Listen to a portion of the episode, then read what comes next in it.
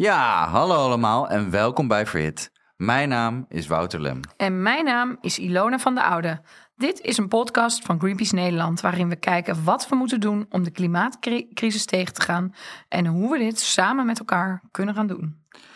We hebben net met uh, Clarien Klingen gesproken. Zij is een activistische boer die zich inzet voor een duurzame en sociale, sociaal rechtvaardige landbouw. Ik vond het heel interessant. Uh, Vooral om meer te horen over hun strijd en hoe dit anders kan. Wat is jou het meest bijgebleven, Ilon? Uh, ja, wat ik wel goed vond aan haar was dat, uh, of aan Clarine, is dat zij um, niet echt. Ik vond dat zij er niet zo zwart-wit naar uh, keek. we nemen dit nu op in december. Het is best wel, we hebben echt heel veel polariserende maanden achter de rug. En ik vond het wel goed dat zij daar helemaal niet op die manier naar keek. Zij had het meermaals, had ze het over die diversiteit en dat iedereen zijn eigen stukje moet oppakken. Maar ze had het ook wel over een stukje rechtvaardigheid en ook um, hoe bijvoorbeeld de onrechtvaardigheid rondom het uh, landverkoop en verpachtingssysteem, uh, dat daar echt iets aan moet gedaan worden. En natuurlijk haar oproep aan ons allemaal vond ik mooi. Dat we allemaal moeten kunnen kijken, of allemaal eigenlijk zouden moeten kijken van waar kunnen we bij ons zelf in de buurt lokale uh, community supported agriculture uh, steunen. Dus dat je ergens een uh, voedselpakket neemt of dat je, en dan het liefst ook dat je je lange termijn daaraan verbindt. Mm. Nou, dat vond ik, vond ik goede eye-openers en ik vond het mooi om te zien dat zij niet zwart-wit dacht. Ja, dat, uh, dat is denk ik ook wel iets wat echt nodig is in, dat, in dit ja, zwaar gepolariseerde debat. Ja. ja, en ze zitten heel erg op de oplossing. Dus als jij, nu, als jij dit ook interessant vindt en meer wilt weten over eigenlijk de transitie die nu plaatsvindt in de landbouw, dan uh, raden we je zeker aan om te luisteren. Heel veel plezier. Ik voel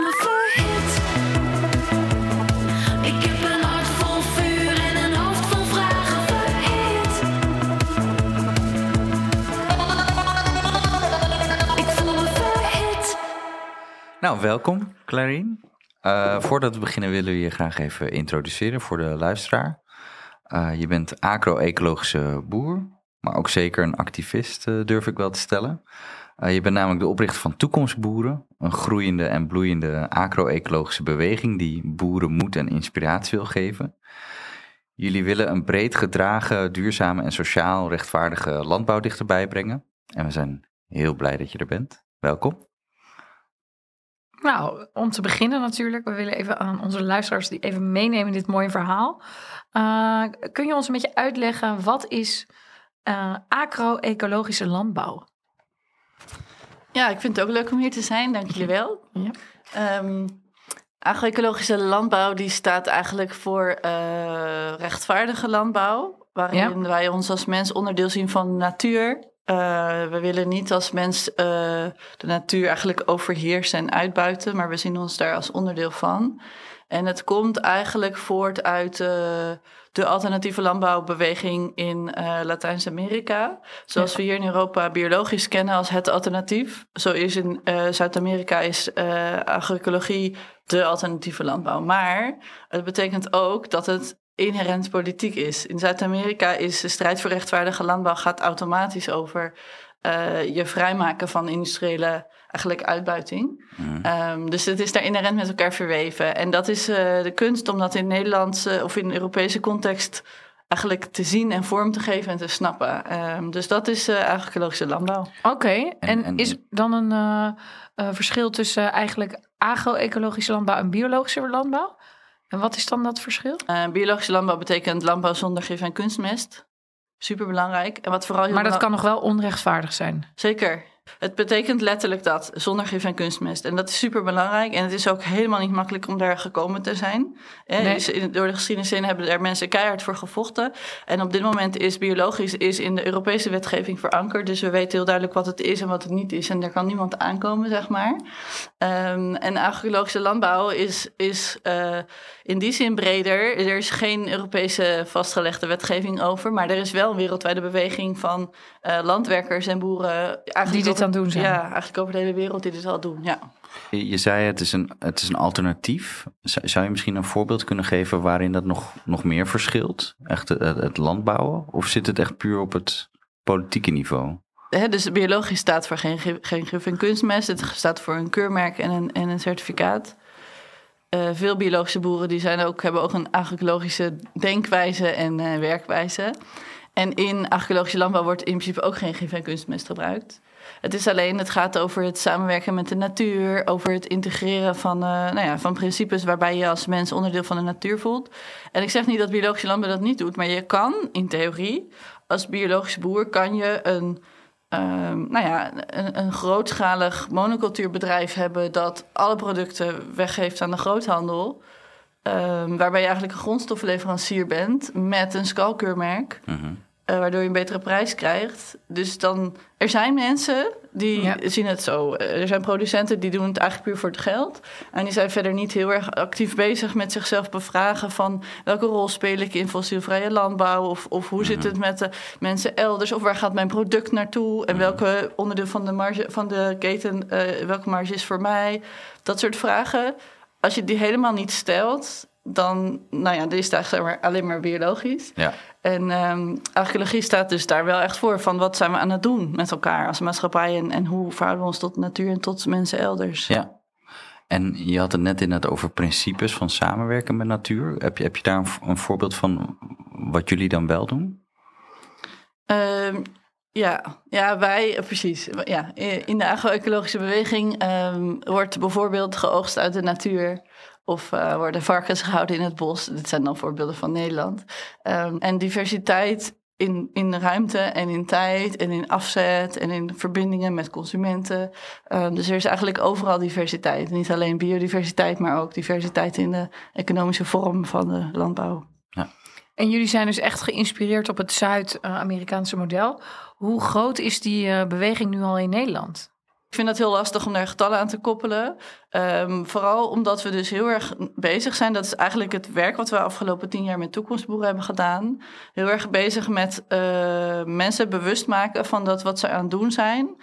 Als zij eh, kiezen voor eh, nou ja, meerlagige teelten of voor compost aanbrengen in plaats van mest uit dierlijke mest bijvoorbeeld. Dat zij daarmee onderdeel zijn van een beweging en dat ze daarmee van betekenis zijn voor de landbouwverandering. Veel mensen die, zijn, die denken dat ze alleen maar bezig zijn op een paar hectares eh, en zijn zich niet zo bewust van eh, ja, eigenlijk de betekenis van hun pionierswerk. Ja. Ehm, dus dat is het werk. Dus eh, er zijn steeds meer agroecologische boeren in Nederland. Maar dat wil niet zeggen dat ze nog maar net begonnen zijn. Alleen het bewustzijn van... hé, hey, wij zijn onderdeel van de wereld bij de beweging... dat is groeiende. Dat is groeiende. En ehm, waarom vind jij het nu zo belangrijk dat deze beweging echt eh, tot stand komt in Nederland? Voor mij is het eh, echt eh, zonde van de tijd... als we de landbouwverandering reduceren tot technische vraagstukken. Ik vind daar helemaal niet om gaan. Technische vraagstukken zijn heel aantrekkelijk, want je kan als je discussieert over stikstof of kilo's per hectare, kan je heel veel praten met elkaar en getalletjes en ruzie en kunnen we de wereld wel voeden met biologisch.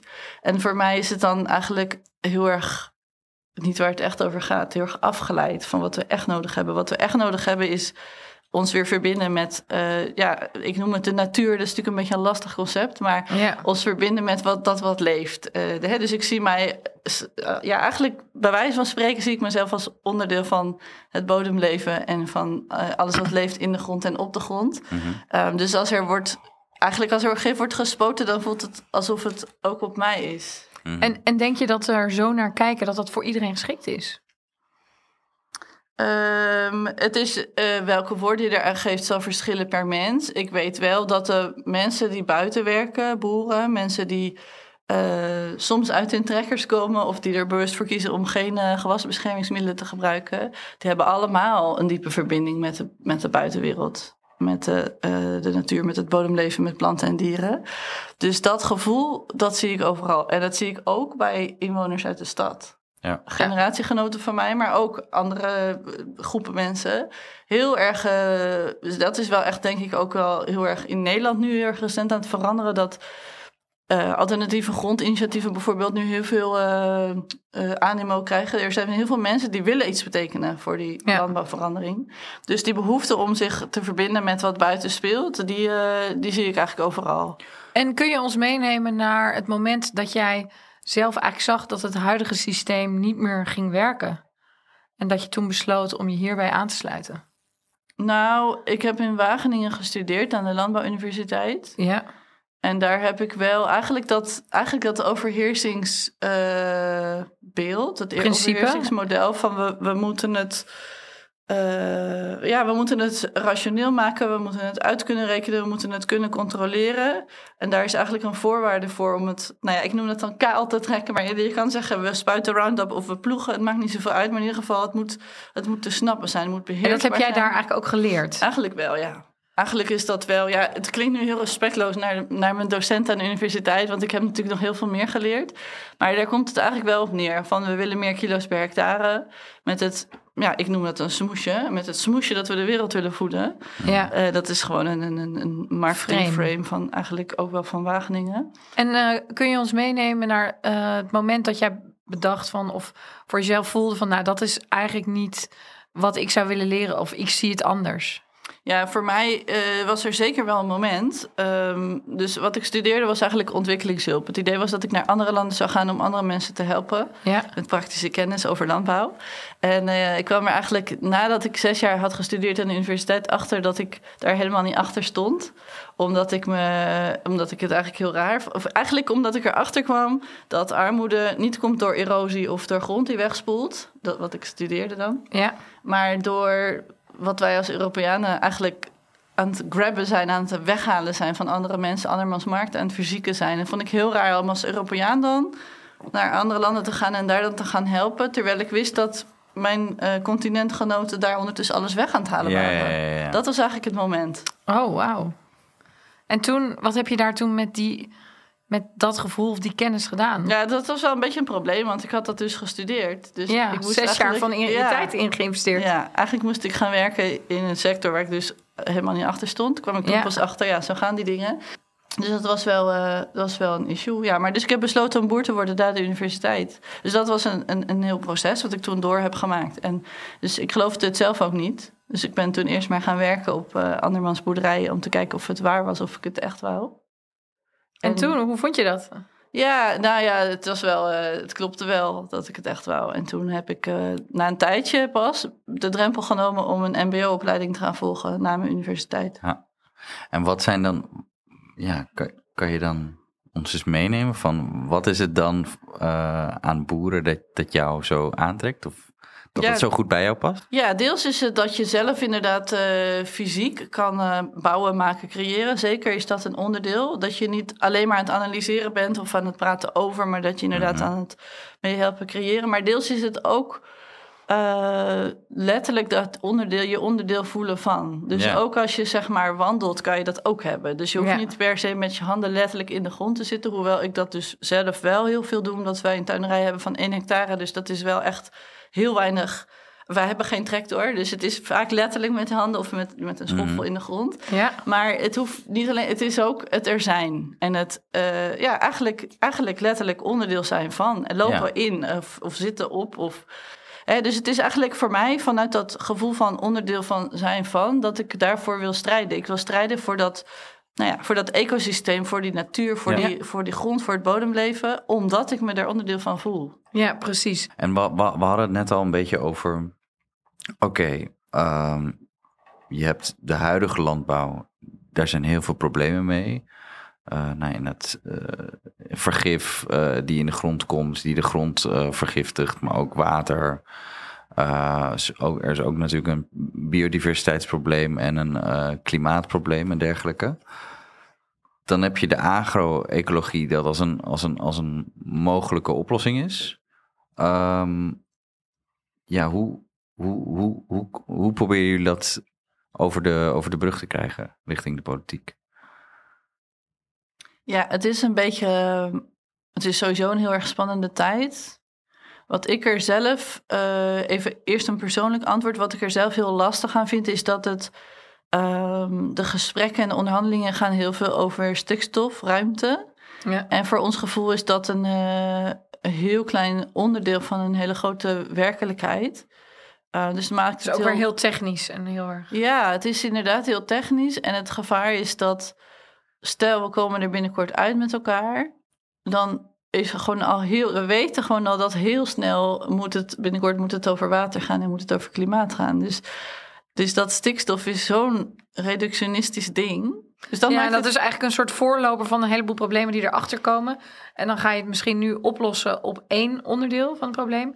Terwijl je heel snel weet, daar komen twee andere, Ja, mogelijk nog grote eh, problemen aan. Je kan het ook nu in één keer goed doen en dan bestrijd je alles. En wat er altijd onder ligt, en dat is ook wat wij heel erg meevoelen met gangbare boeren die in paniek zijn, is eh, het perspectief ook in economische zin van de landbouw. Dus het is het, het, is het eh, eigenlijk het marginaliseren of het, het reduceren in het neoliberalistische model, waardoor boeren ja, gewoon twaalf per dag stoppen er. Ja, het is gewoon, echt we hebben bizar weinig boeren nog maar over in Nederland. En eh, in heel Europa is dit gaande. Ehm, dus eh, dat die tendens van dat mensen, dat het allemaal niet meer rendabel is, eh, dat gaat ons ook aan het hart. En dus daar, dat is onderliggend. Ehm, dus het is ook niet eh, onwil van boeren om eh, niet te willen verduurzamen. Er, is geen, ja, er zijn gewoon heel weinig mogelijkheden. Dus dat zit er allemaal onder. En dat zit onder stikstofprobleem, zit onder klimaatprobleem, zit onder waterprobleem. Even dan over de landbouw gezegd. Dus daar, eh, ja, daar moeten we gewoon heel snel meters maken. Dus, hè, dus hoe, ehm, hoe kunnen we dat dan doen? Wat moeten we dan doen om snel die meters te maken? Nou, ik zal even een, een, op een net iets andere schaal een voorbeeld geven. Ehm, mijn tuinderij die is 1 hectare en ik, doe, eh, ik run die tuinderij samen met iemand, Mhm. Maria, compagnon op de tuin. En eh, er zijn 150 mensen die oogsten van onze tuinderij. We hebben geen tussenhandel, dus die mensen die eh, betalen ons per jaar Mhm. Om eh, het hele jaar door groenten te oogsten. Ja. Dus er is geen tussenhandel. En de mensen die kunnen eh, zelf eh, zien en voelen en horen en ruiken en proeven hoe het buiten daaraan toe gaat. En de mensen die een aantal jaren al meedoen, wij zien aan alle kanten, merken aan alle kanten dat zij eigenlijk steeds beter snappen. wat wij aan het doen zijn, hoeveel werk het is, hoe het zit met de prijsopbouw in de landbouw, Ehm, hoe belangrijk het is dat je een luchtige bodem hebt met veel organisch materiaal. Er zijn allerlei dingen die je eigenlijk bijna automatisch meekrijgt als je daar heel vaak komt oogsten. Dus Mhm. daar is dus de verbinding zonder dat wij PowerPoint hoeven te geven. Ze zijn daar, ze zien het en ze stellen vragen en ze er- ervaren dingen. Maar vooral, heel belangrijk, is er is geen tussenhandel. Er is geen keten. Niemand anders verdient geld aan ons Nee. Nee. werk. Ehm, en dat eh, is een voorbeeldje. En het is nog lastig, vind ik, uit te werken voor boterkaas en eieren... of mensen die niet op fietsafstand van eh, landbouw wonen. Hè. Dus dit is een best wel een urbane model. Of tenminste, dit werkt heel goed. Er zijn nu eh, 200 van zulke community-supported agriculture initiatieven in Nederland. Maar het is altijd wel eh, in de buurt van de stad. In Ja. Nederland is dat op zich niet zo moeilijk om in de buurt Nee, van de stad te daarbij zitten. kom je vrij snel uit. Maar dus dat is wat mij betreft de, de opgave van hoe kunnen we kijken. Want dit is een heel erg eh extreme voorbeeld van een eigenlijk een eerlijke keten. Waarin we eh, eh, consumenten ook uitnodigen om eh, bij te dragen aan het eerlijker maken van de landbouw. Hoe kunnen we dat, wat kunnen we daarvan leren op een iets grotere schaal en voor mensen die iets verder weg misschien wonen van eh, zo'n initiatief? En wat kunnen we met andere producten dan groenten? Hoe kunnen we dat organiseren met elkaar? Dus dat, eh, hè, als je vraagt wat moet er gebeuren, er moet in principe in eerste instantie moet er gewoon gewerkt kunnen worden voor heel veel mensen in de landbouw. Dat is heel erg tegenovergestelde van wat er nu eh, een tendens is. Steeds minder mensen. Iedereen, is- het boeren die doorgaan, die hebben het land van hun buurman nodig. Ze zijn blij als hun buurman stopt, want dan is er meer ruimte voor hen. Ja. Die sfeer, die maakt gewoon alles kapot. Ja. Dat is die, die, die groei, dat, dat, model van alleen maar meer intensiveren en groter, meer. Ja, maar ze moeten wel. Het is niet dat ze dat willen. Ze moeten wel. Als je dus als je wil dat je kind een boerderij overneemt, het eerste wat de Rabobank zegt is je moet verdubbelen. Anders Ja. kan het niet. En hebben jullie, eh, want jullie hebben ook dat plan, hebben jullie gepresenteerd, hè? Het Groen Boerenplan in, eh, in Den Haag. Zijn daar nog vervolgstappen voor? Eh, worden jullie gehoord? Hebben jullie de indruk dat ze daar al mee bezig zijn, ook met die, bijvoorbeeld met die drie stappen? Eh, ja, dus het Groenboerenplan, dat zijn, dat zijn tien punten die eh, vinden wij heel realistische alternatieven zijn voor, hè, oplossingen voor Ja. wat er nu mis is. Ehm, het is eh, goed ontvangen. Ja, iedereen die het aangeboden kreeg, die, die was er blij mee en zei dankjewel, wat mooi. Ja, ja, ja, Ehm, maar we worden nu wel gehoord, maar er worden natuurlijk heel veel partijen gehoord. Dus dat, nou ja, de laatste viel het woord mijnenveld. We zitten nu erin, in het mijnenveld, waar heel veel mensen gehoord worden. Dus ja, we voelen ons gehoord met het Groenboerenplan. En uh, ik ben heel benieuwd hoe dat verder gaat, die gesprekken. Ja, en uh, jij blijft dus zelf ook in, in de toekomst, blijf jij gewoon hier aan trekken en mee vooruit gaan? Ja, dat sowieso. Ik vind het zelf wel soms de vraag in hoeverre we energie we hebben natuurlijk, omdat we zelf, hè, we representeren onszelf, dus wij zijn allemaal boeren. Uh, dus in de zomer hebben we echt geen tijd en in de winter hebben we een beetje tijd. uh, in hoeverre wij onze schaarste energie gaan besteden aan onderhandelen met een, nou ja, Mijnenveld noemde ik het net, maar in ieder geval een, een logge, grootschalige structuur waar we misschien fundamenteel al een beetje mee oneens zijn daar moeten we mee oppassen. Hè? Dus een deel, we moeten het zeker doen, maar we moeten heel alert zijn dat we dat bouwen aan alternatieven tegelijkertijd ook uh, blijven doen, omdat het ook extreem belangrijk is. Dus als je het mij persoonlijk vraagt, dan is dat voor mij heel erg een afweging. Iedere keer weer, iedere keer als er een uitnodiging komt van die tijd die ik heb, waar besteed ik die aan? En ik vind het alternatief bouwen extreem belangrijk. Maar ik vind het heel fijn dat er mensen zijn die wel die energie voelen om die onderhandelingen te voeren. Super belangrijk. Uh, dus ja, we blijven zeker met elkaar ervoor gaan op verschillende manieren. Deze vragen we altijd. we hopen dat iedereen. Ben je hoopvol over de toekomst? Ja, nou ja, dat is misschien ook wel een beetje gerelateerd aan het antwoord wat ik net gaf. Dat ik het zelf ook heel belangrijk vind om aan alternatieven te werken. Dat is wel ook om het vol te houden, voor mij. En dat maakt het ook soms wel lastig. Dat ik, als wij vragen van onze collega's om zich politieker te uiten, dan zijn heel veel mensen aarzelend. Heel veel mensen zijn ook aarzelend om mee te doen met directe actie. Omdat ze hebben gekozen voor het alternatief. Ze willen aan wat dan wel werken. Dus dat maakt het soms ook wel heel lastig. Om, mensen willen gewoon over bloemetjes en bijtjes en biodiversiteit daarmee bezig zijn. En soms is dat een beetje. Uh, nou ja, wat ik zeg, soms is het lastig om, ze, om aan hen te vragen om, om, om zich politieker te uiten, terwijl het wel heel belangrijk is. Ja, ja. Dus ben ik hoopvol? Ja, ik ben hoopvol, maar het is ook omdat ik ervoor heb gekozen om boer te worden, dat ik die hoop kan houden. Mm Ja, het werk zelf, dat geeft je heel veel voldoening. En, uh... Ja, het is soms voelt het echt serieus echt als therapie gewoon. Als ik hen, dus zoals nu in de winter, nu hoeven wij niet iedere dag naar de tuin. Er is wel werk te doen, maar het kan ook morgen, zeg maar. Ja. En als ik daar dan een dag weer mag werken, dan uh, het is wel, uh, ja, het is wel ook echt iets wat je, wat je goed doet. Ja. ja. En wat zou, wat zou jouw boodschap zijn aan onze luisteraars? Ehm, ten eerste, kijk uh, wat voor een CSA er bij jou in de buurt is. Dus je hoeft niet, uh, waarschijnlijk hoeft je CSA? niet... Community Supported Agriculture. Je hoeft niet ver te fietsen om um, een uh, boerderij te vinden die, waar je direct dingen van kan kopen. Bij voor, wat mij betreft, bij voorkeur verbind je je voor het hele seizoen aan die plek. Ja. Financieel, omdat je daarmee zegt: ik neem verantwoordelijkheid voor een duurzaam landbouwsysteem. En niet. Uh, ik zit op de bank en ik uh, klik nog eens wat om nog eens wat te bestellen en ik zie morgen wel weer. Maar als je zeg maar lid, lid wordt, deelneemt voor het jaar, dan zeg je ik geloof in deze plek, ik geloof in biodiversiteit, ik vind het belangrijk. Dus dat en dan participeer je echt. Ja, dus dat ten eerste. Kijk wat er in de buurt is waar je je aan kan verbinden. Uh, via pakketten of uh, zoiets, een hoog systeem, een lange termijn verbinding. Ik denk dat ik dat echt het belangrijkste vind. En daarnaast kan je die verbinding op nog meer manieren doen. Dus je kan ook uh, nou ja, vierkante meters grond kopen nu, hè? bij grondbeheer bijvoorbeeld. Dat is ook heel belangrijk. om dus die agro-ecologische boeren het mogelijk te maken, het werk te kunnen doen. Daarvoor hebben wij grond onder onze voeten nodig. En alle inwoners kunnen daar aan bijdragen. Cool. Oké. Okay. Dankjewel. Nou, Clarine, dank je wel dat je bij ons langs wilde komen.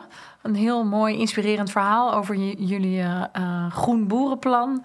Met jullie uh, drie speerpunten om echt ook die, die grondstructuur aan te pakken. Maar ook ehm, zeg maar het community supported agriculture. Dus ook echt een oproep aan onze luisteraars om echt ook daarin te participeren. Verbind je het liefst voor een seizoen daaraan.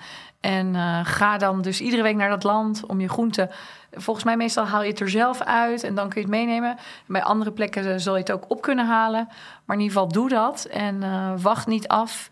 En help jullie waar mogelijk, omdat het een belangrijk initiatief is. En ook om te zorgen dat jullie je gesteund voelen. Dus als je ergens nog een stuk grond hebt, als een van onze luisteraars, en je denkt, daar kan nog wat mee gebeuren. nou, zoek Clarine en haar bondgenoten op. En dankjewel, Clarine, en uh, uh, succes met jouw strijd. Dankjewel. Ook alle luisteraars weer bedankt dat jullie weer naar ons luisteren. De Verhit podcast is een initiatief van Greenpeace Nederland. Heb je nog niet geabonneerd? Doe dat dan meteen in jouw favoriete podcast-app. Dan zie je meteen als we weer een nieuwe aflevering online hebben gezet. Wil je daarnaast iets aan ons vragen of met ons delen? Daar houden we natuurlijk van. Mail ons dan via verhit.greenpeace.nl. Over twee weken zijn we er weer met een nieuwe gast. Dankjewel voor nu en tot de volgende keer. Want als ik zeg dat het soms lijkt alsof de tijd alleen maar tikt terwijl we liggen te slapen. Ik wil iets bouwen, wil de handen uit de